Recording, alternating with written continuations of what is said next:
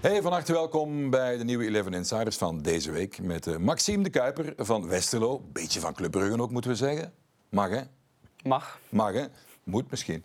en uh, Gilles de Walen van de Roesjes, maar van uh, zoveel meer hè, in het verleden. Welkom, Gilles. Ja, dank u wel. Twee West-Vlamingen, dan hoop ik af en toe toch eens een beetje een mondje West-Vlaams te horen te krijgen. Want ik heb altijd, ben altijd opgegroeid met West-Vlamingen, gestudeerd.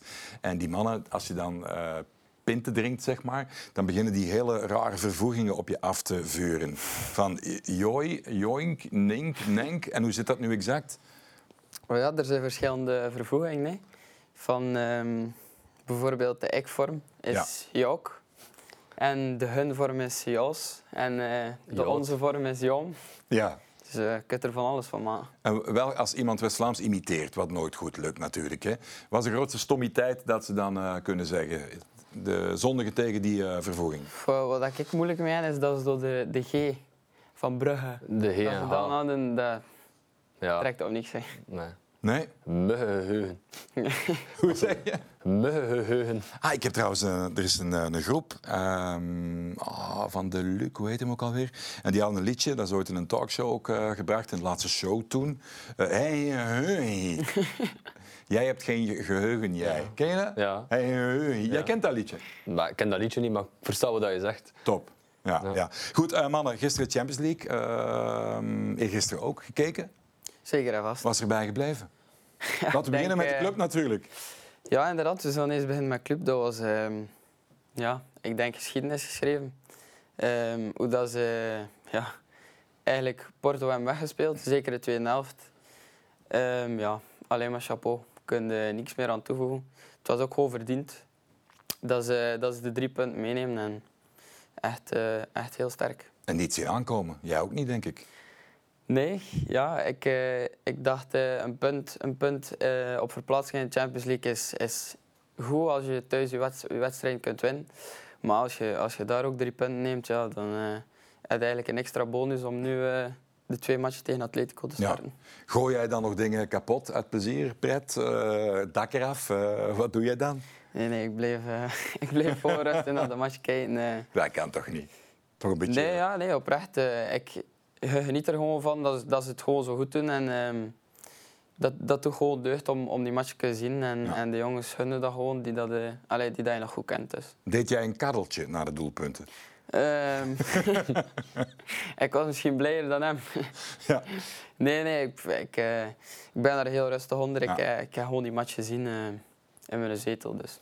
Ik snap het eigenlijk wel volledig, hè, want Karel Hoefs nog niet zo lang hoofdtrainer. En dan, mm -hmm. ja, dat is dubbel, hè. Je moet op je knieën gaan glijden, moet, moet uitzinnig van vreugde zijn. Voor Leuven was er twijfel, mm. heel veel twijfel, intern. Ging vaak ver. Dus ergens snap ik hem ook wel. Van, hij laat nu zien van kijk mannen, ik heb toch een duidelijke goede visie, punten halen we in de competitie en in Europa. Snap jij hem? Ja, ik denk dat dat gewoon de manier waarop is dat hij dat wil aanzien worden. Ik denk dat Mourinho bijvoorbeeld, toen hij in zijn beginjaren bij Porto uh, trainer was, dat dat een heel andere stijl was. En ik vind het ook wel iets hebben, maar ja, hij staat er als een gentleman en uh, dat vind ik wel goed. Hij komt goed over zo op die manier. Ja, het is nog een beetje zoeken, dat is normaal hè? Ja, ja. Ik denk uh, gewoon die overwinning op Leuven, dat hij meer moest. Nu op Porto hoeven ze niet te winnen. Ja. Um, en dan misschien daarom mentaal de overwinning op Leuven gewoon belangrijker en dat dat gewoon meer deugd heeft. Ik, denk, denk, dat dat daar ja. ook wel mee te maken heeft. Ik denk gewoon dat er veel spelers nog met een, met een hoofd bij een transfer zaten, die periode. Dus voor de match van Leuven. Um, ah, dat speelt altijd mee. Uh, de ketelaren weg of niet weg, uh, dat was toen nog allemaal wel onduidelijk. Noah, die toen nog... Ja, ja uh, die, dan, die dan zegt van ja, ik speel liever niet. Um, en dan, dan de match nadien komt hij in en dan blesseert hij zichzelf toch. Dus je ziet, ja. kan altijd iets gebeuren en veel spelers zijn daarmee bezig. Um, dus het is goed dat de transfer, transferperiode gedaan is. En dat uh, iedereen zich kan focussen op zijn club waar dat hij nu zit. Zo, Noah Lang, uh, stel dat hij in jouw zone komt. Is dat zo'n speler waar, waar, je gek van wordt als uh, verdediger?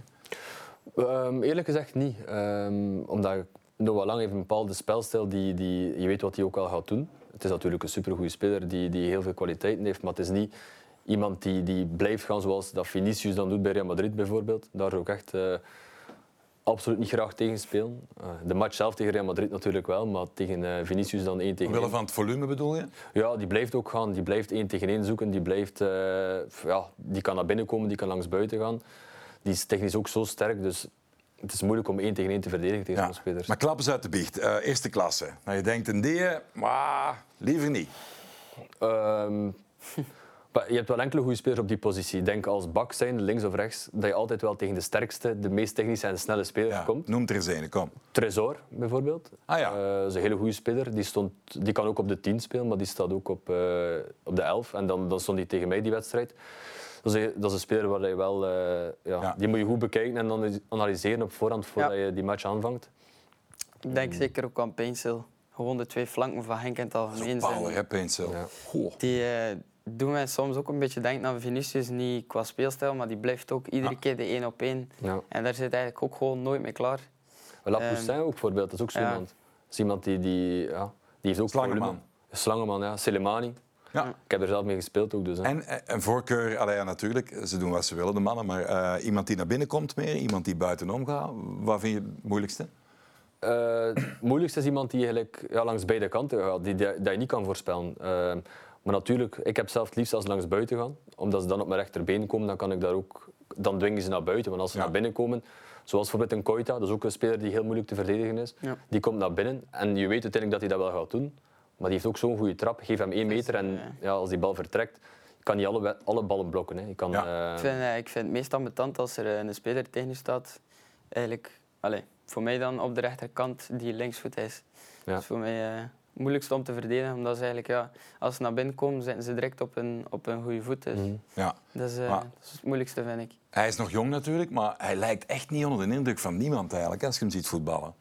Nee, Een van de beste mannen op het veld absoluut. tegen Anderlecht. de laatste wedstrijd heb ik ook gezien. Dat was, eh, ja, Dat is wel een kwaliteit, sterk. hè? Ja, maar hij is ook heel comfortabel aan de bal. En Ja. ja. je hebt gewoon goede voeten ook. eh. Verdedigend ben je sterk. Eh, in de wedstrijd tegen ons ook. was heel goed toen. Dus, eh, ja, nee, ik heb dat toen ook vorig jaar al gezien. eh, in de, toen ik in B wat volgde. En het jaar voordien bij Club Next ook. We hebben toen een keer met Kortrijk een oefenmatch gespeeld ook tegen jullie. En toen vond ik je ook echt al Ja. eigenlijk klaar om bij ons te spelen toen in Kortrijk. Dus ja... Dat was wel- Ja. was wel een avontuur toen, hè? toen Club Next begon in, eh, in 1B. En met Injas eh, van den Bremt. eh, ja, wie de zat er nog allemaal bij? Keibus de zat erbij. eh Ibe. Eh, Odor, die ja. nu... eh, ja, Sandra Sandra. zat erbij. Eh, ja, dat was de één week eens een puntje pakken, dan, dan een dikke pandoering. Hoe zot was dat eigenlijk? Hoe ging Rick Ja. de Milder mee om? Drama, ja. Dat is, dat is niet Wat die eerste match van jullie op RWDM? Eh, ik heb toen nog niet meegedaan. Nee. Ik had toen nog mijn meniscus. Ja, ja. Ehm, maar inderdaad, pff, iedere week daar eh, een pak slaag krijgen, dat was, na een tijdje was dat, echt, dat, was, dat was echt niet meer leuk. Maar uiteindelijk weet je dat wel, gaat er de vruchten van plukken. ja. Want zo'n matchen, daar leer je gewoon enorm van. Het is gewoon volwassen voetbal. En in de belofte match nee, dat niet. Nee, Dus ehm, nooit. het was... Het is echt, echt altijd... Ik wil niet zeggen dat, dat de kwaliteit soms hoger is, maar ze zijn gewoon veel slimmer, ze zijn veel tactischer, ze zijn sterker. Ze, Ja. De ervaring, hè. Details ook, hè, ja. inderdaad, ervaring. De, de kleinste foutjes worden afgestraft, zodat je bijvoorbeeld bij de belofte nog niet hebt. Ja. Opeens En kom je daar, eh, professioneel voetbal en dan, dan gaat het om de centjes ook. En Voilà.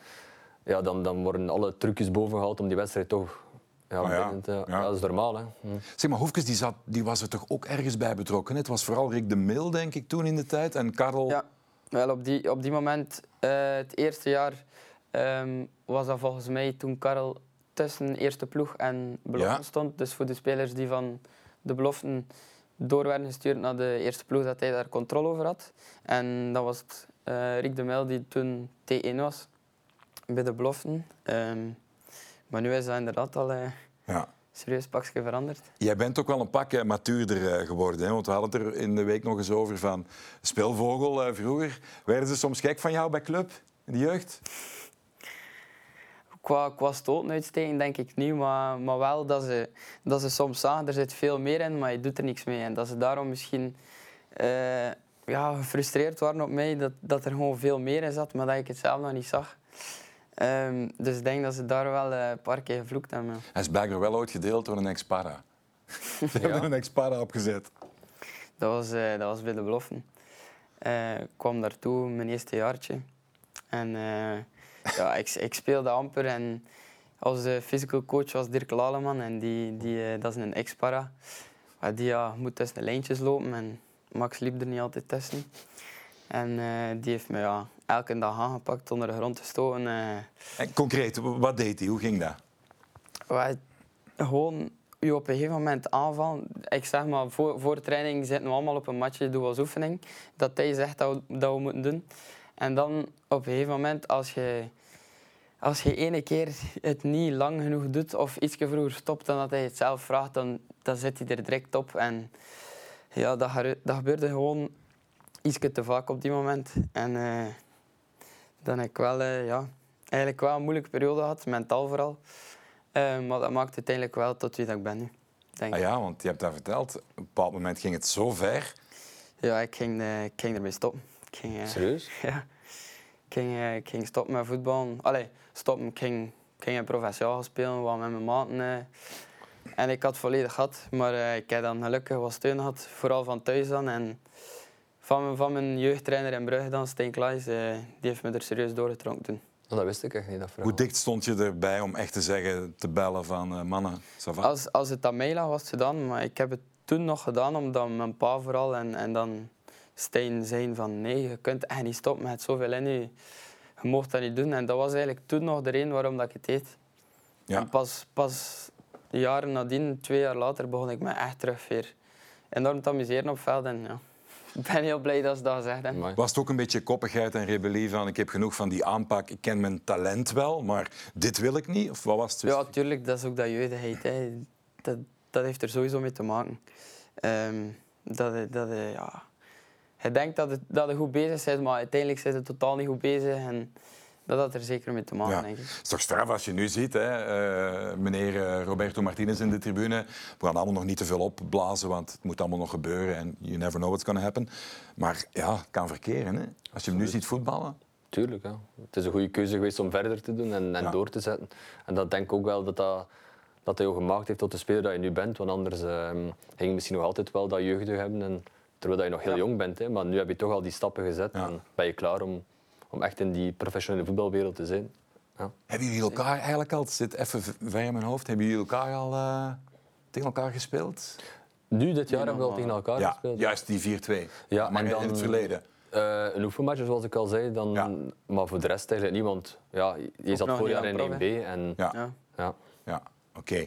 Ehm, ik kan me niet voorstellen dat jij ooit dat dilemma hebt gehad van eh, ik stop mee. Want jij bent ook koppen voor, mentaliteit, Mhm. eh, drie longen. Ja, maar ik heb nooit dat dilemma inderdaad gehad om, om ermee te stoppen. Absoluut niet. Maar ik heb ook wel moeilijke periodes gehad. eh, toen Ja. ik bij mijn eerste jaar in de eerste ploeg kwam bij Cercle Brugge.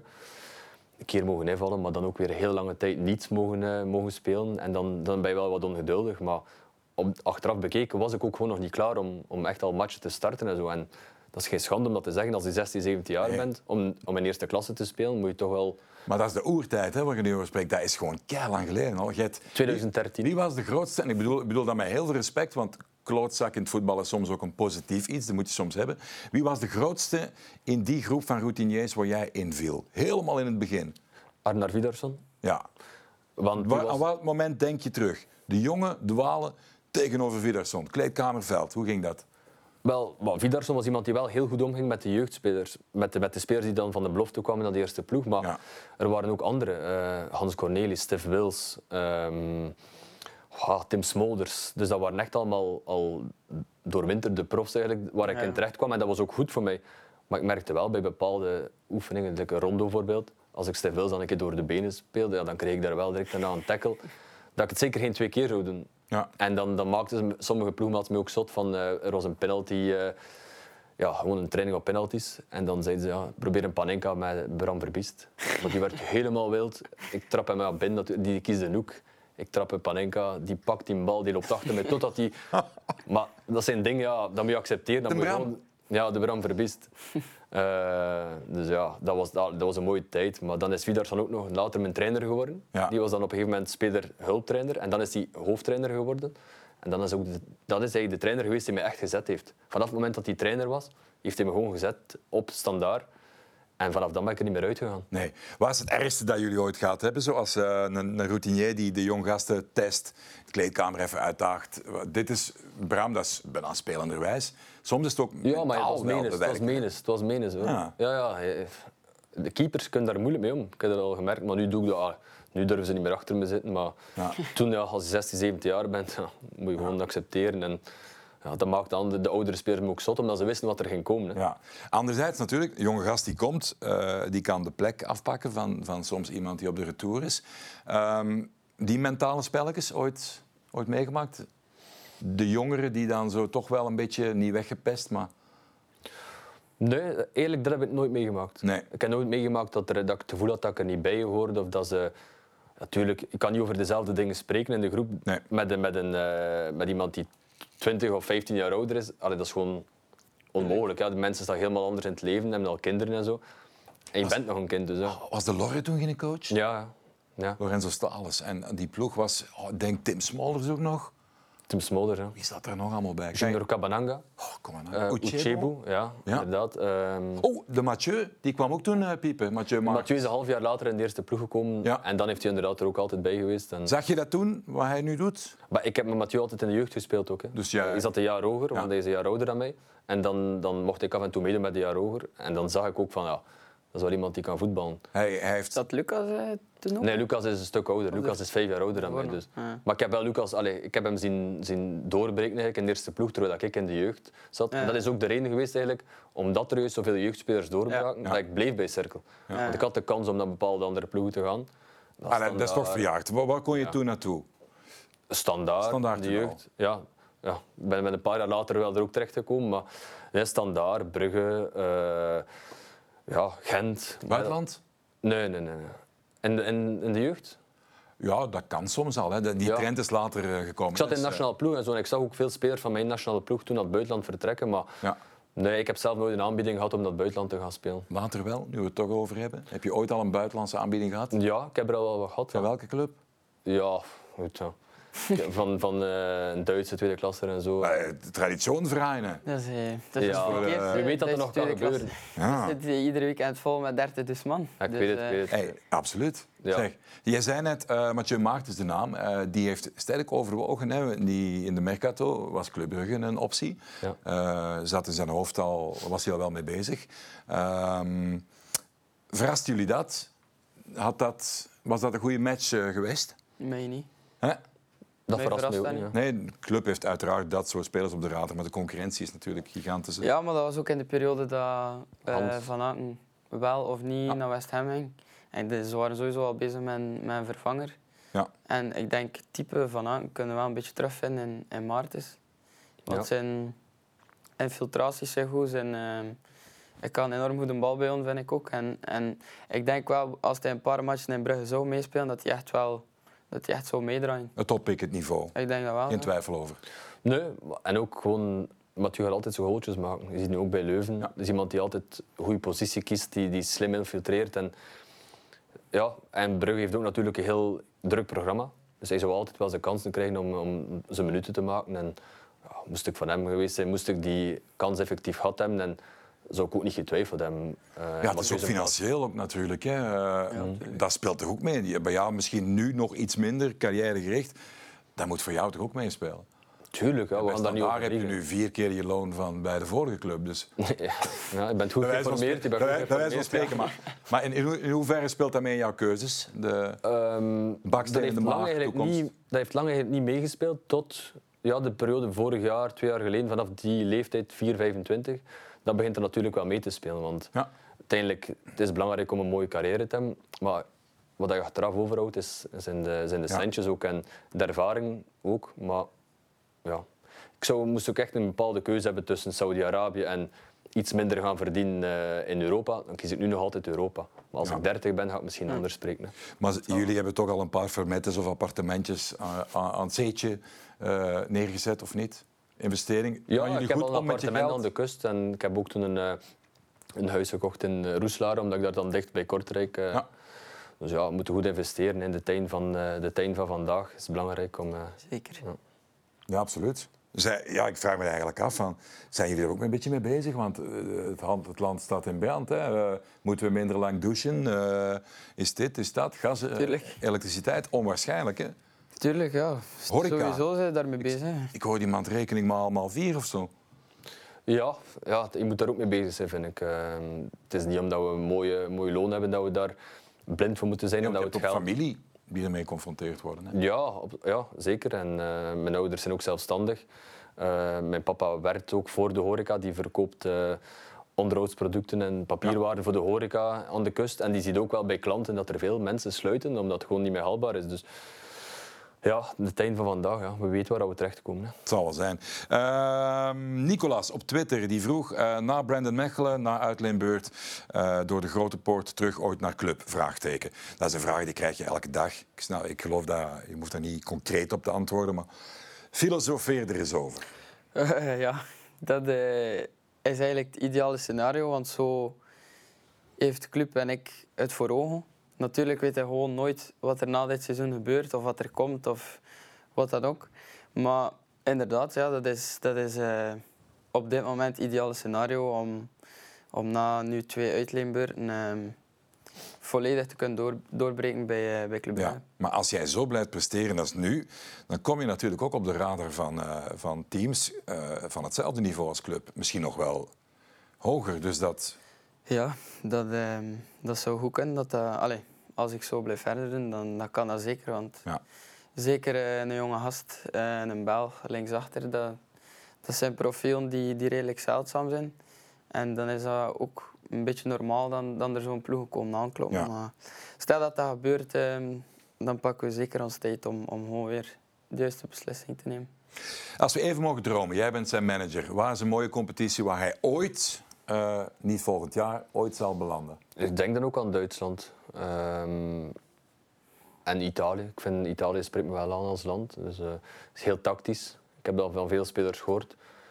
Maar ik denk als verdediger dat dat altijd een voordeel is om daar een keer een periode gespeeld te hebben. Al is maar een ook. seizoen. Om dat gewoon dat tactische mee te hebben. En, eh, Ja. ik zie dat bij veel spelers die in Italië Ja. gespeeld hebben, dat zij wel op een andere manier denken over voetbal. Ja, klopt dat? Wat jullie, als jullie Serie A kijken, wat Raja zei in het begin toen hij terugkwam, hij zei van hots knots hier in de omschakeling van de een en de andere. En in Italië toch een, een, een, ja, een, een spelbeeld dat langer duurt in een wedstrijd. Dat vond hij het verschil. Ja, en in België is, is het niveau fysiek dan heel hoog. In Ja. vergelijking met de ja, Premier League is natuurlijk ook iets, Duitsland. Maar dan België zit daar niet ver achter. Ik denk qua meters dat België in de top 3 staat. Dus ja, het is een competitie waar dat er heel veel omgeschakeld wordt, waar dat er enorm veel high-intensity meters eh, worden gelopen. Dus ja, in Italië is het wel allemaal wat beredeneerder. En, en Ja. Daar is- zal het iets meer beslist worden met, met gewoon pure klasse, denk ik, van Ja. de speler zelf. of een stilstaande fase. Ja, inderdaad. Zeg, Duitsland, eh, Italië, nog andere landen voorkeur? Ik zie Gilles wel in Duitsland spelen, omdat dat ook competitie is die denk ik, eh, ik denk dat dat je wel ligt. Ja, ja, ik heb dat al van veel mensen gehoord. Ehm, maar ik sta eigenlijk open voor veel. eh, championship vind ik ook super mooi. Dus eh, Ja. ja. Premier League is natuurlijk een hele grote droom. Voor u is dat ook zeker nog mogelijk. Voor mij, eh, voor mij is het La Liga. La Liga? Eh, ja, ja, tegen is ik, onderleg. Dat is ook heel graag spelen. Ik denk dat dat ook misschien het best qua profiel bij mij past. Ja. Voor mij is daar wat te warm, dat is het. Ik, heb ben daar dat niet zo, omdat, dat ik ken niet graag die warmte. Dus. Maar ja, eh, La Liga, ja, dan, als je na een wedstrijd, dan kan je niet, niet slapen. Hè. Avondwedstrijd, voetballer, dan lig je wakker. Hè. Ja, Lig het is dan- daarom dat we naar daar gaan. Hè. Ah ja, natuurlijk. Voilà, nog later. Lig je dan nooit s'nachts eh in, je, in je bed eh, te, eh, te kijken? Waar zijn de tofste tapabars? Is het Valencia? Is het daar? Is dit? Is dat? Waarschijnlijk wel. Ja, Moest Spanje. het kunnen, waarom niet? De, de tijd dat je er zit, moet je er denk ik dubbel van genieten wanneer dat kan. Ja. Dus moest dat ooit gebeuren, zou, zou ik dat sowieso doen. Ja. Zeker. Zie jij jouzelf nog, nog evolueren qua, qua eh, post? Van, was eigenlijk in welk systeem, als je carte blanche, jij mag een ploeg opstellen, je mag je eigen positie invullen? 3-5-2 eh, op de flank, Ja, juist zoals eh als Gilles. ja. Ik denk dat dat onze beste positie is, wanneer dat we gewoon, omdat we aanvallend sterker zijn dan dat we verdedigend zijn, denk ik, is dat eigenlijk de meest ideale positie. Ja. Omdat je misschien net iets minder puur één tegen één komt als je echt met vier van achter speelt in plaats van met vijf. Ehm, dus ik denk dat dat wel best positie is. Ja. ja, want bij hem zeker, eh, een wingback is per definitie niet iemand die enkel verdedigend denkt. Maar bij hem, als je nu ziet, ook in de bepalende rol die hij ook tegen aanlegt had, ja, is het nu de middenvelder, is het, is het een halve aanvaller, is het een verdediger? Ja. is eigenlijk al all in one. Hè? Dat is ook denk ik, door de opleiding in Brugge dat je gehad hebt. Eh, ja, je zit heel comfortabel aan de bal. En je ziet dat ook wel in de wedstrijd, dat je gewoon ook soms naar binnen gaat, dat je daar de bal gaat vragen tussen de linies. En ja, dat is wel een grote kwaliteit van je. Nog even over, over de actualiteit en die wedstrijd. Er werd nadien heel veel gezegd van eh, jongens te- tegen mannen. Hè. Ook, ook Mazu stak de hand een beetje in eigen boezem van het is een mannensport, we moeten iets agressiever zijn. Hoe was dat gevoel in die wedstrijd? Want ik vond wel, Ja. ze zeiden altijd van de die dit en de die dat, maar Fabio Silva, ja, die verscharen, die hebben echt wel gewerkt en kilometers eh, gelopen. Maar die opening was gewoon moeilijk te vinden. Maar die, die deden niet niks, hè.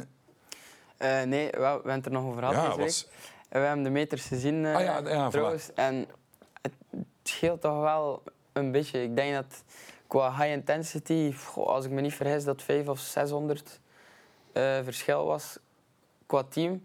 Dus als je dat optelt, is dat uiteindelijk wel redelijk wat, over de hele wedstrijd gezien. Eh, maar ik had soms tijdens de wedstrijd ook wel het gevoel dat, dat ze niet... Het is niet dat ze er als watjes bij liepen. Nee. Het is, eh, soms hing ze er ook wel echt vol voor. Ehm, alleen vond ik dat dat bij ons gewoon net iets meer was. En je zag dat ook gewoon in de cijfers nadien eh, van de loopresultaten. Dus.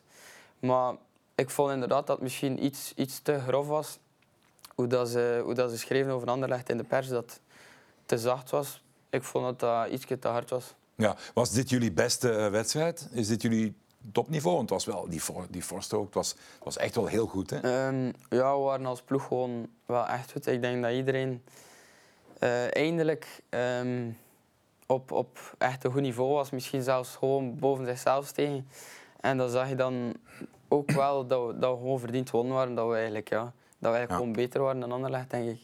Zie je op training, eh Cha- eh, Chadli, Nasser Chadli moet natuurlijk nog wat minuten maken en, en eh, fysiek in orde geraken, volledig. Ehm, was je de eerste indruk de laatste dagen? Eh, ja, positief. Kijk, ik herinner me nog de eerste training dat hij meedeed. Ehm deed hij mee in positiespelletje en ja, je voelt dat gewoon dat hij zoveel ervaring heeft. Zo, gewoon de rust zelf eh, aan de bal. Ik kon hem zo'n beetje vergelijken met Van Aken op training. Dat, hij, dat is altijd zo gecontroleerd, rustig. Je weet zo altijd wat er gebeurt rond hem. En, en dat liet het positiespel ook veel vlotter verlopen. Wat dat ervoor soms wat minder was. Dat, daar maakt hij gewoon direct een verschil in met, met zijn ervaring, met zijn kwaliteiten. Gewoon. Ja. Dat merkte direct. Dan als- glijden die balkjes via de buitenkant gewoon in de richting orienté. Ja, die, Ja. Die kon het, ik kon het spel verdelen. Hij was dan bijvoorbeeld eh, de middenman die, Ja. die met de twee ploegen meespeelde. En ja, de ene ploeg kwam er eigenlijk soms gewoon niet aan. Maar laten we eerlijk zijn, in elke andere topploeg in België zou hij ook zijn plaats hebben. hè. Met de Eh, kwaliteit ja. dat hij heeft. Want ik zag enkele jaren geleden dat hij bij Anderlecht kwam, was ook gewoon direct Ja, de beste waar. man bij Anderlecht. Hè. Ja. Ja. Dat is, eh, maar het enige, het enige nadeel dat hij nu nog heeft, is gewoon zijn, zijn conditioneel, eh, conditioneel vlak dat, dat nog in de lucht moet. Want eh, ik herinner me nog tijdens een match tegen Anderlecht, vraag ik na een half uur aan hem, "Pff, even... Dus je moest even, ja, dat is ook normaal. Hè. Hij, Ja. komt, hij komt daar van een competitie waar dat misschien minder fysiek is. Ja. En ook even misschien minder gespeeld. Ja. Dus als je dan direct in de Belgische competitie komt, denk ik dat dat wel even op je ademtrap is. Hij heeft toch al gezongen of niet? Ja, we zijn eh, gisteren op teamdiner geweest en eh, hij heeft daar gewoon voor een vol restaurant gezongen. Wat was het? Eh, het was Aisha of zoiets, een, een, een Frans liedje. Ah, want Aisha. je hebt galet. Aisha. Aisha. Ja, dat, Écoute-moi. Ja. Dat dat ook al vaak gehoord. hè, Ja. In die Franstalige ploegen komt Doen dat jullie dat ook vaak, Aisha? Ja, ik heb dat toch al vaak horen. eh, Ja. ja. Ja, dat is een wereldster. hè. Dat is, eh, hoe heet dat genre nu weer al? Oh, iets met Rai. Ik, weet het niet, maar dat is, dat is een wereldster in de Arabische landen. Hè. Ja. Je hebt gelet. maar het Eh, is goed dat hij een voetballer is geworden. ja. hij, hij kon Nee, goed zingen. Het was, eh, het was met veel vertrouwen, maar het was, het was niet top gezongen. Nee, Nee? nee, ja. Nee. nee. Oké. kritisch. Hè.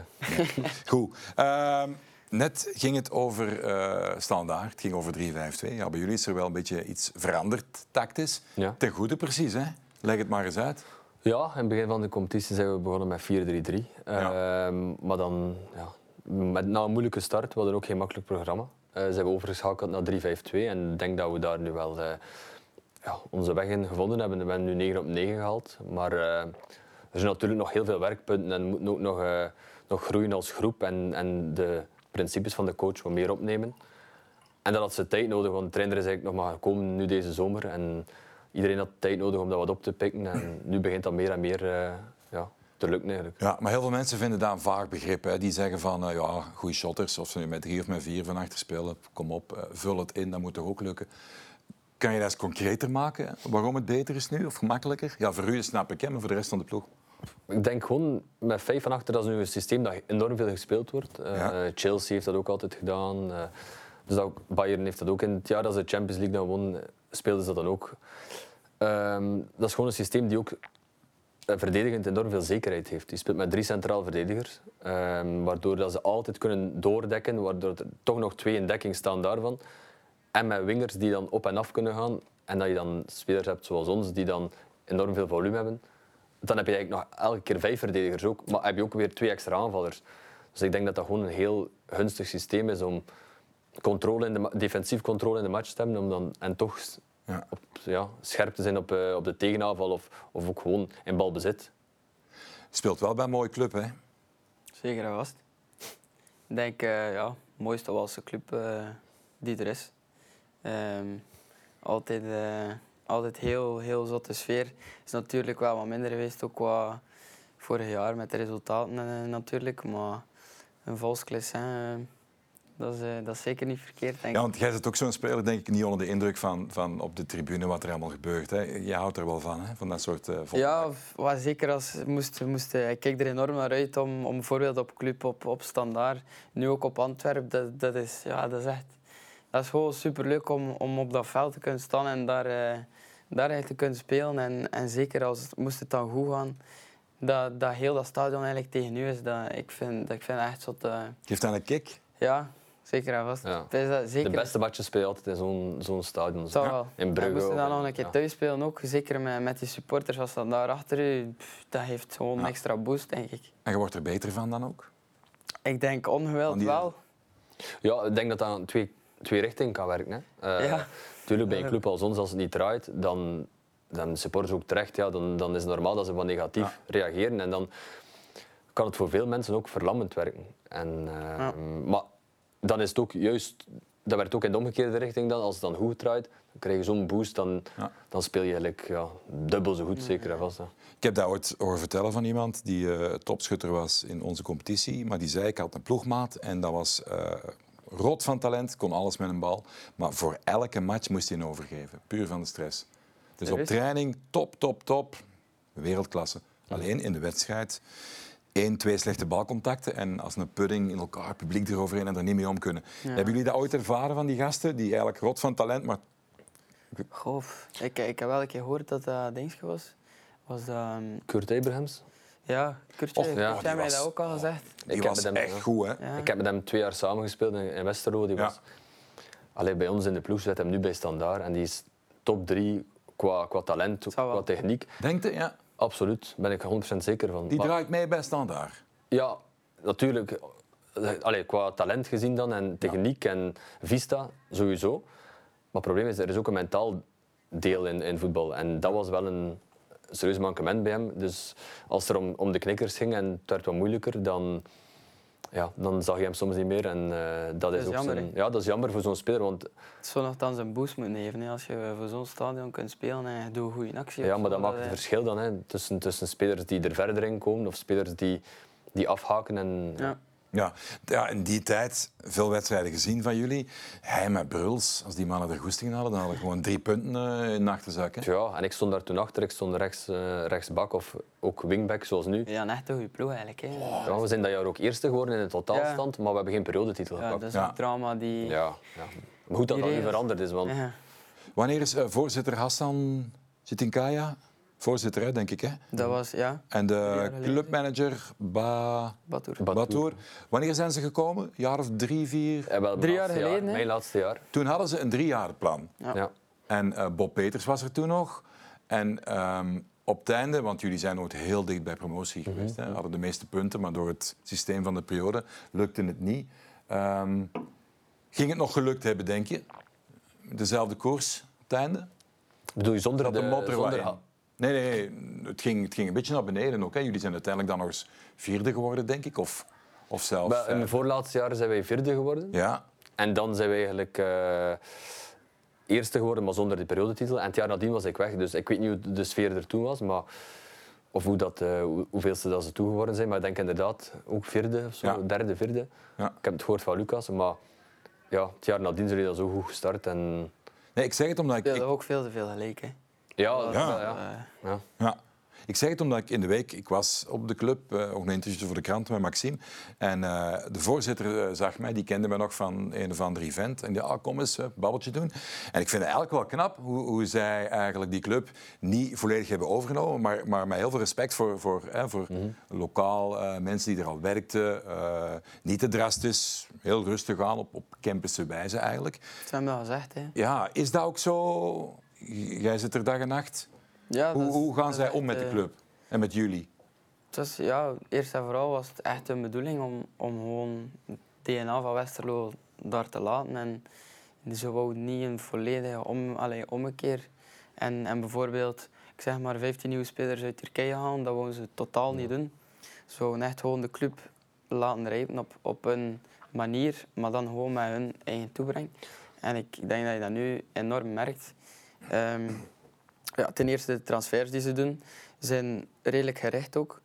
Ehm, en, en ik heb het nog niet meegemaakt. Natuurlijk is dat er wel al geweest. Ze leggen enorm weinig druk op, op de speler zelf. Ze laten, u, ze laten uw ding doen. Ook als het een keer wat minder gaat. We hebben nu 0 op 9 gehaald.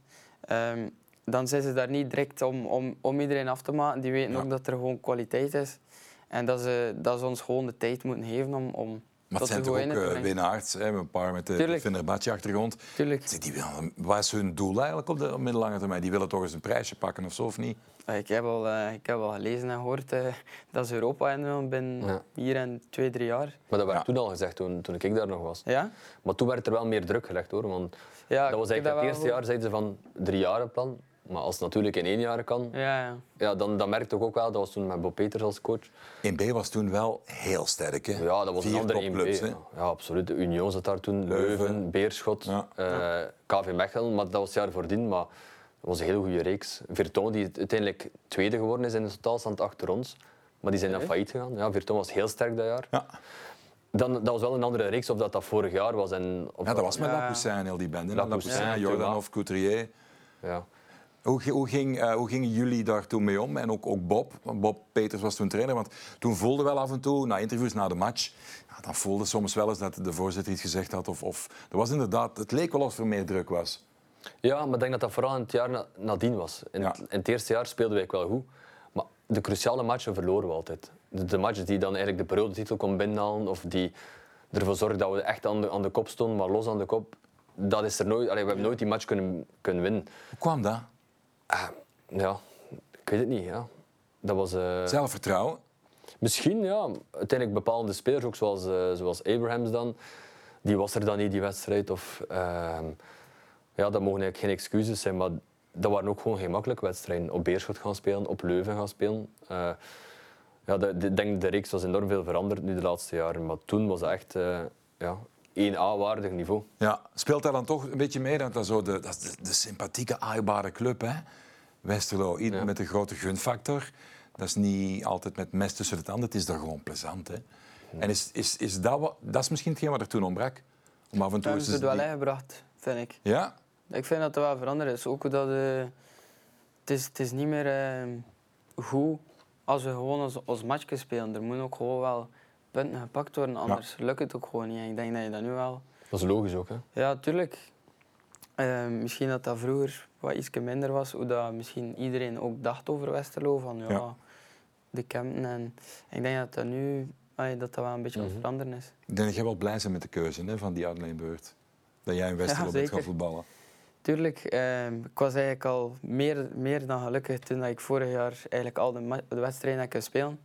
Want dat was ook het doel om eigenlijk al dit jaar terug te keren. Maar omdat het eigenlijk zo is gegaan, kampioen gespeeld en dan komen we met die ploeg in 1A, Ja. was het super ideaal om, om daar Om nog terug. een, jaar, eh, nog een jaar te rijpen. hè. Dat is de beste club om, eigenlijk gewoon, om jezelf te ontwikkelen ook. Hè. Je krijgt de Zeker. tijd. er moet gepresteerd worden. Je gaat ook wel om met druk. Maar dat is gewoon, ik heb dat ook toegedaan. Ik ben Ja. toen bewust echt van cirkel weggegaan naar een club allee, zoals Westerlo toen die net gezakt was. Ja, Maar dat was gewoon perfect voor mij. Ik zou die keuze altijd opnieuw maken. zo, Zeg zo van die West-Vlamingen in de, de Kempen. zo verstaan. Savatjes. Ja, maar bij mij, Lucas kwam er dan nog bij. Lucas Ja. van Eno. Dus eh, ik, zat wel, ik had opeens een West-Vlaamse klik. Guillaume de Schrijver was er ook nog, nog bij gekomen. Toch weer samenhokken, hè? Ja, ja, ja, dat is typisch. Dat is normaal, hè. Ja. Zeg maar zo, het is dat niet grappig voor jullie af en toe? Spraakverwarring, eh, in de Kempen een beetje... Daar wel. Ik heb er al woorden gehoord dat ik denk van... wat- Zoals? wat, eh, goh, ik kan er zelf niet meer op komen. Dat ik soms denk van, hoe komen ze daarop? Om, die slikken ook heel veel letters in. Dat ze soms woorden echt verkorten of volledig omdraaien. Dat ik denk van, wat is dat allemaal? Dat, eh, ik ben dat Ja. gewend. Hè. Mijn, ouder, mijn schoonouders zijn van de Kempen. Ja. Ah ja. Ja, ik, ik hoor dat daar vaak. hè. Ik was, ik was al goed voorbereid voordat ik naar Ja. Westerlo ging. Maar dat zullen ze van jullie ook wel gedacht hebben af en toe omgekeerd, hè? Tuurlijk. en eh, ik babbel eigenlijk nog altijd West-Vlaams daar, dus maar ze Ja. beginnen me te begrijpen. Ja. In het begin was het soms ook lastig, maar de meesten begrijpen me wel. Nee. Gooiden ze toen ook al veel geld er tegenaan met leuke snoepreisjes voor jullie richting Istanbul, of niet? Ja, we zijn toen ook twee keer op stage geweest Ja? naar Istanbul. Ja. Eén keer naar Bolu. Dat was de dag dat, eh dat de Rode Duivels speelden tegen Brazilië. Op 2K 2018. Juist. Oh, oh. Jullie zaten in de bus toen zeker? Maar echt, dat was een ramp. Nee. Dat was een ramp. Ja. Vertel. Dus dat was, eh, we gingen die dag eh, op stage vertrekken en we moesten kwart, voor, kwart na vijf vertrekken, s ochtends vroeg in Westerlo. Eerst een bus naar Düsseldorf om daarvan de vlieger te pakken naar, eh, naar Istanbul. Maar we zaten niet in Istanbul op stage, we moesten nog naar Bolu. Maar dat was acht uur in bus. Het was vier uur rijden normaal, maar we kwamen toe in Istanbul net voor de spits. Maar omdat er iemand zijn, zijn paspoort vergeten was. Hij had een enkel verblijfsvergunning van in België. Dat was toen Oh. een kine, de Lee. En die had zijn- zijn, zijn paspoort eh, niet mee, enkele verblijfsvergunning. Dus die geraakte niet binnen in Turkije. Dus we hebben daar ja, denk ik een uur en een half op moeten wachten. Maar doordat we dat wel in die spits kwamen, we hebben er acht uur over gereden. Die match niet kunnen bekijken, want dat was, ja, dat was Azië toen, dat Ja, deel dat van, van Turkije. gratis, eh. Dat was niet gratis, dus Ja, ik kon die stream. Geen, niets gezien van die match. Allee, geen, achteraf allemaal gehoord dat het zo mooi was, maar Ja, ja. ja. ja. Dat moet missen. Ja, Bob Peter was ook goed aan het vloeken van voor in de bus. Dat zal wel. Ja, Zijn er faciliteiten ginder? Is dat dan de Fenerbahce-link ergens? Of waar zijn jullie beland? Ja, dat was eh, het hotel in Bolu zelf van Fenerbahce. Ehm waar zij ook altijd op afzondering gaan, want dat ligt in Ja. de bergen in Turkije. En dat was ideaal. Maar het probleem was, als de mist opkwam, kon, kon je ook wel de training stilleggen, want je Serieus? zag geen meter meer voor je. Allee, En dat was wel het nadeel dan in de bergen daar. Ja. Geen mietje en grietje gedaan met eh, een of andere Fenerbahce-ster?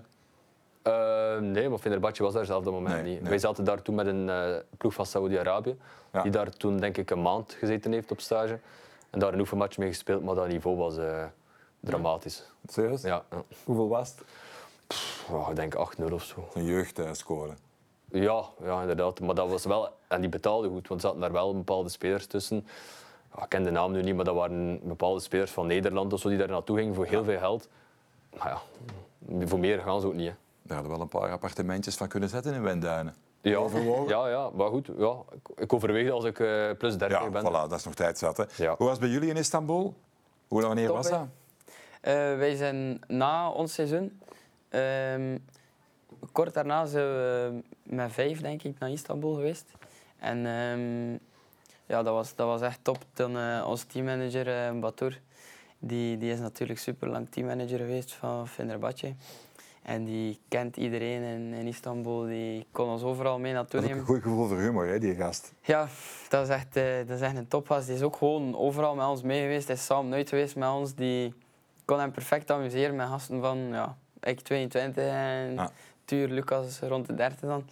Ehm, maar nee, echt Istanbul, eh, dat, dat doe ik zeker opnieuw. eh. Het is een aanrader. Zijn zijn broek nog altijd zo kort van Batour? Is het water in de kelder? Ja, altijd. Misschien is dat wel een stijlicoon dat jullie dat gewoon niet snappen. Ja, ik denk dat dat zijn stijl is, maar het is nog Ja. niet naar hier gekomen, die stijl. Ja, ja. Ja. En kunnen dan een beetje meeproeven, we hadden het er al even over, over eh, het feit, ja, die gasten hebben wel contacten, kinderen en zo. Hè. Voelde dat als je... Ja, ja, Stap zal wel. Het is, het wat ik zeg. Wij hebben, ik denk in Istanbul de, echt oprecht de beste plaatjes mogen meemaken die, er- die er daar zijn. We zijn bijvoorbeeld naar die Salt Bay uh, Nusser Ed geweest. eh. Die gast van zijn... eh, ja, met zijn zout daar. eh. Ja. eh, Eh, we, hebben, we hebben ook twee, twee wedstrijden gezien. Eh, eentje was ehm, Besiktas Fenerbahce, dat was, goh, dat was ook niet normaal. De derby ook direct. Ja. Was, eh, was heel, we hebben echt we hebben een topding gedaan. We zijn op een boot geweest ook. We hebben eh, een deel van Azië gezien. Ja. Het was ehm, ja, echt... Zal ik zeker opnieuw doen. Ja. En wie was de plezanterik op de schoolreis die het er het meeste van gepakt heeft? Die het meeste geamuseerd heeft? Eh, die, het, was, het was de vakantie van eh, Kian Vazen. Die was, Is die was echt? volledig Kian? daar. Ja, ja. Ja, Daar, ehm, daar is hij opgebloeid. en Turken niet? Turken altijd, ja. Ja, dat is toch een fenomeen, hè, Tuur Dirks. Ja. Ik vind dat zo'n lekkere voetballer. En ook knap hoe dat hij terugknokt, hè, want... Ja, dat zijn, er zijn gewoon heel veel mensen die dat niet... Hij weet dat ook. Eh, hoe professioneel dat hij er eigenlijk echt wel mee bezig is. Mhm. Er is, eh, hij is een paar keer slecht eh, in de sociale media gekomen door eh, feestje hier, feestje daar. Ah, met corona. Ja, ja, ja. ja, ja. maar Maar dat is een imago dat hij eigenlijk... Ja, Verkeerd imago. Ja. dat, dat is wel waar. Hoe, dat hij, hoe dat die gast er ook mee bezig was toen dat hij Ja. de kruisband had... had eh, hoe dat hij daarvan is teruggekomen, ja. Alleen Mensen maar, hebben een verkeerd beeld eh, over Dirks, mogen we zeggen. Vind ik wel. Ja, over, Ja? over enkele spelers. En, ja. Over wie nog? Maar toen in mijn tijd ook Stefan Bul. Hadden mensen daar een verkeerd beeld over? In welke Ja, zin maar dan? dat was de, de periode ook dat Antwerpen gehoord. kampioen, eh, kampioen werd. Ja, dat was, dat was de leek van een stille gast. Ja? Ja, dat leek altijd zo. Dat was dus niet zo. Nee. nee. Oké. Nee. Maar wel een plezante gast. eh. Ja. Maar ja, nee, dat is die periode ook dat ze kampioen zijn geworden daar in Antwerpen. Ja. En ehm, ja, dat was... eh was, kwam veel weggaan bij, maar Ja. ik denk dat ze nadat ze kampioen geworden zijn ook een week niet thuis zijn geweest. Ja, hij heeft dat verteld. Ik Ja. Maar ik heb dat ook gehoord. Oh, met Tuur en Jeffrey eh, Hermans. Dat ze elke Ja. dag een andere... Ja, die hadden zeven dagen lang een andere Ja. discotheek. Hè? Heb dat Zeven dagen lang. gehoord. Zeg maar, eh Tuur Dirks eh, staat er ook onbekend. Daan Heijmans trouwens ook. En nog een paar andere gasten. Die hebben ook contacten met Siba hè, de- Van de, de koudwarm-therapie. Ja. film, de, i- de ijs, ijsbaden, intermittent fasting. Dat soort, die lifestyle. Dat is controversieel in het voetbal. Want niet elke clubdokter is daarmee eens. Zoeken jullie zelf ook wel naar medisch vlak, lifestyle dingen? Of... Ik, eh, ik ben er wel mee bezig eigenlijk, voor het moment. Ik ben niet mee geweest voor het seizoen naar de Ardennen. Eh, maar... Ja, want vertel eens, zij deden een, Ja, een hiking of de- zo. Hè? Ja, inderdaad. Die zijn hoeveel kilometer gewandeld? 15, denk ik. Op Ja. nuchtere maag en niet drinken en zo. ehm. Ja. Dus die hebben allemaal zo'n ding gedaan. En nu, allee, ik ben ook wel wat bezig met fasting en, en koude, warme prikkels. Daar, ehm, ja, ik probeer dat te doen nu. En het, is, het, is, eh, het is wel iets leuk en ik voel me er eigenlijk ook wel goed bij. Ik weet Ja. niet, ja, hij, eh, Ja, ik ben met veel dingen bezig. Eh, Zeg het. Ik ben ook al veel geëvolueerd eigenlijk. Ehm, ik voetbal ook al wat langer dan, dan nu. Maar in het begin deed ik gewoon wat het normaal was. Eh, Ja. wat, dat, wat de club ook zegt. Maar de Ja. clubs veranderen ook, heb ik het gevoel. Ehm, en ik heb al met veel physical coaches gewerkt ook. En ja, ze bereiden je altijd op een andere manier voor. Ehm, nu zie ik ook, ja, natuurlijk, ze, proberen, ze zeggen ook, Siebe zegt dan bijvoorbeeld ook geen, ehm, niet veel koolhydraten eten. Ja, inderdaad. Het is Ja. echt helemaal anders. Hè. Ja. Qua Ja, dan- voeding ook. Ik ben er eigenlijk serieus van, van, van verschoten eigenlijk. Maar ik probeer altijd biologisch en zo te eten. Veel groentjes, veel variatie. En dan, Weinig rood vlees ook? Of? Ja, dat ook niet. Ja, want Eh, ze zeggen dat dat dan... eh Frederik Frans, hè, dat is een vegan. En eh, oh, de spits, Luxemburg, Lierse, Virton, denk ik. ah, ja, Joachim. Joachim. Ja. Die was ook, denk ik, vegan in die tijd. En, en het werd blijkbaar wel bijna bewezen dat die gasten veel minder spierblessures hadden hè, door een Ja. eetpatroon. Maar ik vind ook wel, iedereen doet waar hij hemzelf goed bij voelt. Ik ken ook spelers die, helemaal, die er niets van aantrekken en die, die, die helemaal Bruls. anders leven.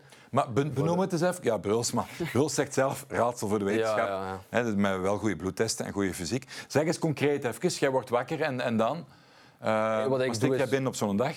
Eerst, ik, ik zorg dat ik veel proteïne binnenkrijg, omdat ik dat wel belangrijk vind voor mijn spiermassa en zo. In de vorm van?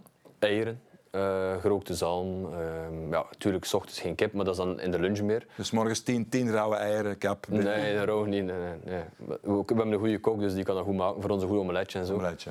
Ja, maar ehm, wat ik vind in het voetbal, wat er heel veel onderschat wordt, is het mentale. Ah ja. Ja, dat vind ik wel, want fysiek zijn we eigenlijk echt altijd 100%. We proberen altijd 100% te zijn. We doen elk detail. Ik heb ook een game ready gekocht eh, om mezelf ook goed te kunnen verzorgen na training, thuis en zo. Maar het mentale, ik vind dat er daar heel weinig aandacht aan gegeven wordt. Ehm, In welke zin? wel, uiteindelijk voetbal speel je voornamelijk met je hoofd ook. Hè. Ehm, wat dat je, hoe dat je voelt, ten eerste. Dat zelfvertrouwen. dat is iets dat enorm meespeelt. Je voelt dat zelf ook als je in een goede periode zit, dat je precies... Ja, je kan Je tien kunt matchen alles spelen, ja, je kan alles. Hè. Maar ook gewoon omgaan met bepaalde situaties en, en visualiseren bijvoorbeeld. Ehm, ik werk persoonlijk ook met een mental coach. Ik vind dat dat redelijk taboe is in het voetbal, maar dat, dat zou ik echt niet moeten, want Zeker. we zijn er echt mee bezig, professioneel. En alle tools die je kan aanreiken, vind ik dat je moet pakken. Maar hoe persoonlijk eh biecht jij dingen op tegen hem? Van hoe diep in jouw persoonlijke leven? Nee, ik vertel alles. Ik Alles. vertel alles, ja. Dat blijft ook tussen ons dan. Ja, vanuit Ehm, de, de liefde, de ouders, de relatie, vrienden. Alles, ja. Alles. Alles, alles, alles wat dat kan meespelen of mijn prestaties beïnvloeden, eh, Ja. dat vertel ik. En hij heeft dan ook tools mee. ehm, zoals nu ben ik aan het, aan het werken op visualiseren voor een wedstrijd.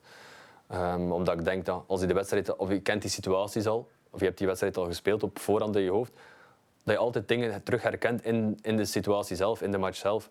Dat alleen maar goed kan zijn. Ehm, Hebben jullie ooit een wedstrijd gespeeld waarbij je eigenlijk in je hoofd voelde overlijden, iets anders, het is niet het moment? En toch gevoetbald?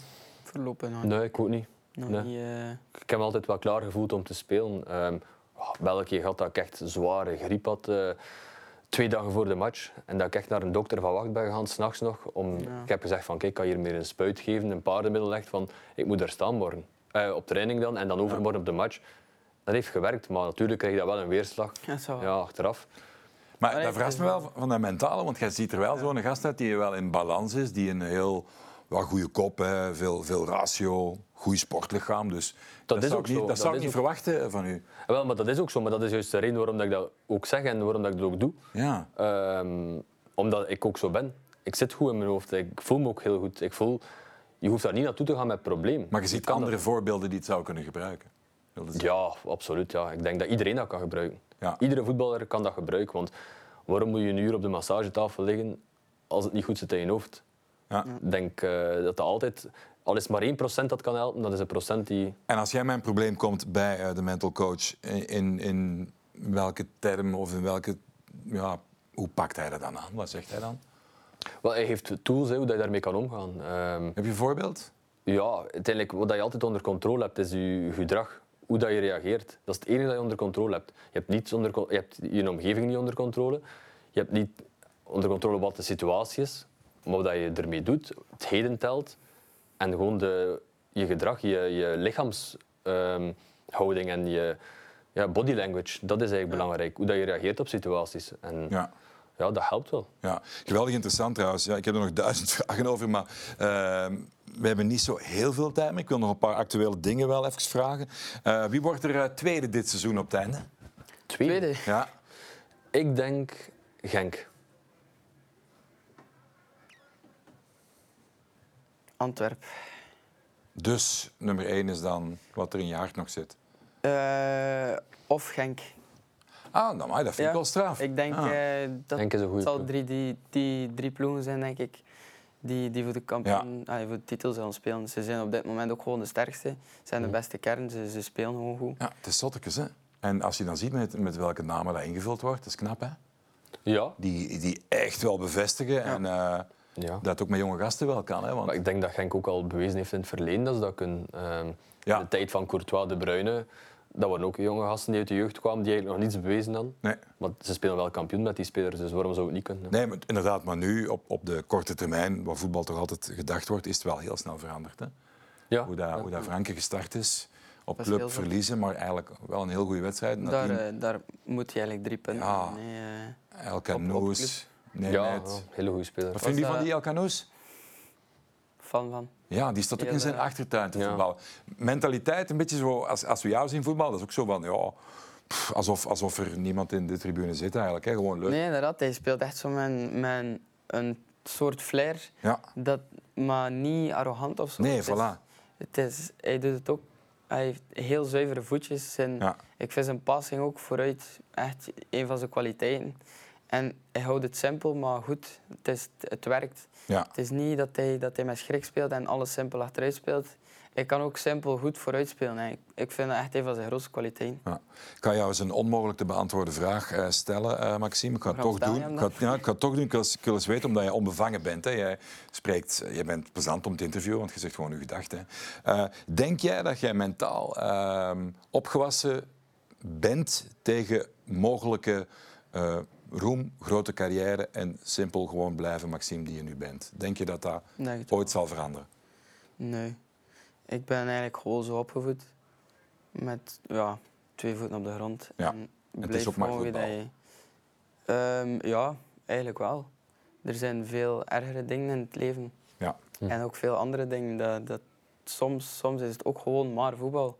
Het is uiteindelijk je job wel, maar nu, nu ook wat er over laatst is gebeurd met onze coach, eh, zijn, zijn, zijn vader die dan overleed, dat, dat is... ehm, Ja. daar moet je dan belang aan hechten. En dan is voetbal echt maar een spelletje. Ja. Dus, eh, maar om erop terug te komen, ik denk het wel. Voilà, goede antwoord. Hè. Absoluut. Wat mag de ambitie zijn van, eh van eh, Standaard? Dat is moeilijk te zeggen, die plek of zo. Maar het begin was heel eh, moeilijk, hè, Gilles? Ja, zoals ik al zei, het was een moeilijke start. Oeh. Maar we 9 hebben op ook 9 nu.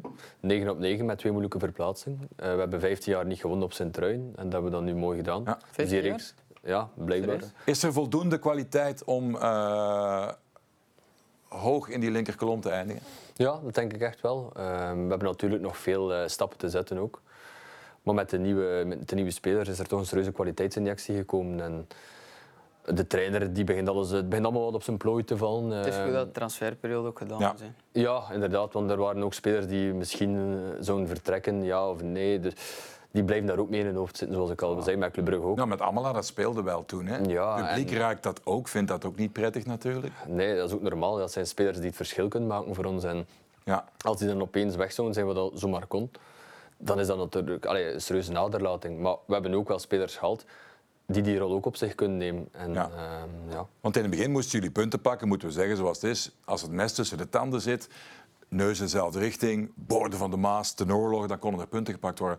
Kwaliteit was een ander verhaal op dat Mhm. moment. Is er, die is er nu voldoende na de Mercato? Je hebt denk- het gevoel dat injectie... ja, dat is er zeker bij gekomen. Ja. Ehm, maar dat was ook nodig. eh. ik denk, je hebt altijd wel drie, vier spelers nodig die het verschil kunnen maken op het Ja. veld. Je hebt eh, mensen nodig die een job doen, die hard werken en die, die, die altijd constant zijn in prestaties. Maar je hebt dan ook spelers nodig die, die het verschil, die die vier, vijf man kunnen passeren en een keer eh, Ja. een ongelooflijke hol maken. En zo win je ook wedstrijden, denk ik. En ik denk, eh, ik heb hem nog niet gesproken, dat gebeurt zondag voor het eerst, dat die Deila, dat hij eigenlijk wel een leuke vent is. Wow, super, super goede mens.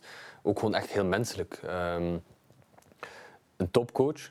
Dat zeg ik nu niet omdat het mijn trainer is, maar het is echt een topcoach. Een van de toppers in je carrière tot nu toe, waar, eh, Ja, zet hem toch eens in de ranking. Maar ik heb hem nog niet lang genoeg, maar ik Nee, zou maar- toch durven op, op één zetten, eerlijk gezegd. De beste, allee jong. Ja, omdat ja, de, de, de tools die hij ook aanreikt en de nieuwe dingen dat hij meegeeft, zijn ook dingen dat, ik, dat veel spelers van onze club of van onze ploeg nog niet gehoord hebben. Geef eens een heel concreet voorbeeld waar jij geen eh, notie van had, dat hij nieuw heeft gebracht. Oh, dat is moeilijk om zo echt... Dat is heel gedetailleerd eigenlijk. Dat is Ja, doe maar. ehm, de manier van opbouwen. Kijken hoe dat de tegenstander staat, is dat met één of twee spitsen. En daar dan ook op inspelen. Van de centrale verdedigers gaan breed en altijd zorgen dat je man uitspeelt. Dus gewoon echt fixeren, uitspelen. Dat lijkt misschien simpel, Ja. maar echt om dat in de praktijk over te zetten, dat maakt het zoveel makkelijker. Dat, dat maakt die spel en de wedstrijd gewoon veel makkelijker om dat, om dat echt te doen. Doe je dat constant met shadow game en zo? Constant, ja. We zijn daar constant mee bezig. En er zijn nog veel andere details. Gewoon geen meter geven. Op elke inworp moeten we klaar zijn. Op elke stilstaande fase moet, moet er, moeten we gewoon zo scherp zijn. Er mag gewoon geen kans gegeven worden. En dat is moeilijk om dat erin te krijgen. Dat is een proces. Maar dat is wel aan het lukken nu. Zijn besprekingen helder, kort, lang? Eh, niet super lang, nee. helder en, en samengevat. Maar het is vooral in de praktijk. Ja. Ja. Krijg je, bestaat dat nog op de gsm dat je zelfs eh, van de videoman dan zo clipjes binnenkrijgt van uw tegenstander? Sommigen Ja, ja, kunnen dat, ja, ook. Volle bak? Ja, zeker. Voor, voordat wij naar Antwerpen zijn geweest, hadden, we, had onze videoanalist eh, beeldjes van Ja. de flankspelers, Miyoshi en Stanks toen, die ook voor deze keer spelen. Dus Bij ons wordt dat niet gegeven. Bij ons wordt dat niet, je moet dat vragen. Maar ik vraag Ja. het en dan krijg je natuurlijk zoveel als ja, je wil. In het Frans, hè? Het is nu Engels. Engels is de voertaal nu bij ons. Toch? Ja, de coach is nu... eh, Zeg, voor we afronden, mannen. Den Antwerp, hè, die staan er te pronken. ja. Verliezen geen enkel punt. Kunnen die geen kampioen worden? Zeker. Ja, ze Want die zullen hebben we nog zeker niet meedoen. Hè, ja. Ze, Ja, ze moeten al- meedoen. Ze zijn Ja? nu Ze staan zelf al vijf punten los, hè, dus ja, Ja, Onder de indruk? toch ja wel. Ja. toch wel. We Ja? zijn toch ook een serieuze ja, budget is hem redelijk wat En uitgegeven. wat er ook. dan nog bij komt, die Ekkelenkamps en touches in de opbouwassist. Ja, normaal, allee, vroeger kwam er vaak, nu met Alderwereld ook, routiniers die, wel wat, die alles al bewezen hadden eigenlijk. Maar nu komen er ook van die jonge gasten, Stengs, Ekkelenkamp. Goeie Denk- mix. eh. ja. Veel meer kwaliteit hebben ze nu natuurlijk. Ja, ze hebben heel veel kwaliteit. Heren, zitten er. Hè? Brede kern ook. eh. Voilà. Ja. Als je ziet dat de, de laat soms op de bank zit, Nangolan op de bank. Dus Maar ik denk dat ze voornamelijk op eh, Europees voetbal gemikt hadden ook. En Tuurlijk, dat is nu dat heeft weggevallen. er sowieso ook wel mee te maken. denk ik, Ja. Ja, misschien nog een paar oefenmatchen inboeken in de week. Ja, Wie weet. wij zoeken nog in nu voor dinsdag dus. Ah, voor volgende week. Ja. Voilà. Bellen maar naar standaard. Het nummer is 0, wat zijn luik? 04 zeker? Goh. Ik weet het niet, wat. Eh, ik kom af, eh, dus eh, tot dan. Hè. Ja. Eh, bedankt om er te zijn, Gilles de Waal. Ik vond het eh, geweldig interessant. Ook uw visie op dat mentale en zo, heel, heel straf. Maxime, eh, dat is altijd plezant. Hè. Heel veel succes met alles eh, wat er nog op jou af gaat komen. Blijf er lekker chill onder zoals dat nu is. Dan komt alles goed. Hè. Voilà. Allemaal eh, te herbekijken en te herbeluisteren op eh, uw favoriete eh, podcastkanaal. Zeker doen. Tot de volgende keer. Bye bye.